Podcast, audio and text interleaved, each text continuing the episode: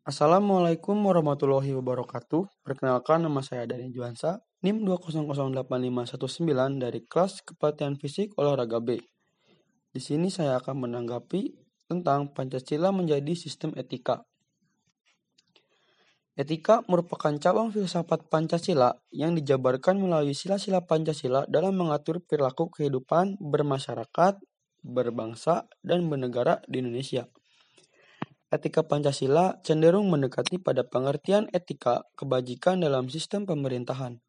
Hal ini dikarenakan konsep deontologis dan teologis terkandung dalam Pancasila. Deontologis artinya Pancasila mengandung kewajiban yang harus dilaksanakan oleh warga negara.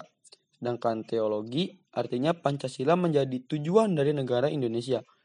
Namun, Pancasila tetap bersumber pada etika kebajikan, tidak hanya berorientasi pada kewajiban dan tujuan. Pancasila sebagai sistem etika memerlukan kajian kritis rasional terhadap nilai moral yang hidup agar tidak terjebak dalam pandangan yang bersifat mitos. Misalnya, korupsi terjadi karena pejabat diberi hadiah oleh seorang yang membutuhkan sehingga urusannya lancar. Dia menerima hadiah tanpa tahu apa alasan orang itu memberikan bantuan. Hal itu bisa disebut dengan suap atau sogok menyogok.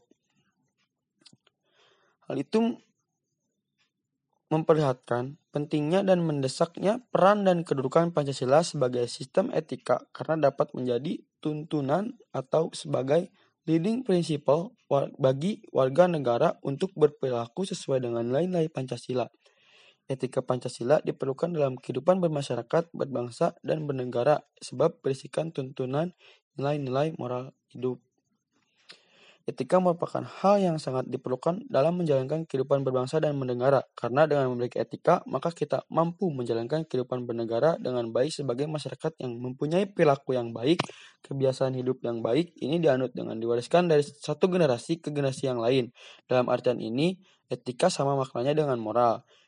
Nilai-nilai Pancasila meskipun merupakan kristalisasi nilai yang hidup dalam realitas sosial, keagamaan, maupun adat kebudayaan bangsa Indonesia, namun sebenarnya juga nilai-nilai yang bersifat universal dapat diterima oleh siapa pun dan kapan pun.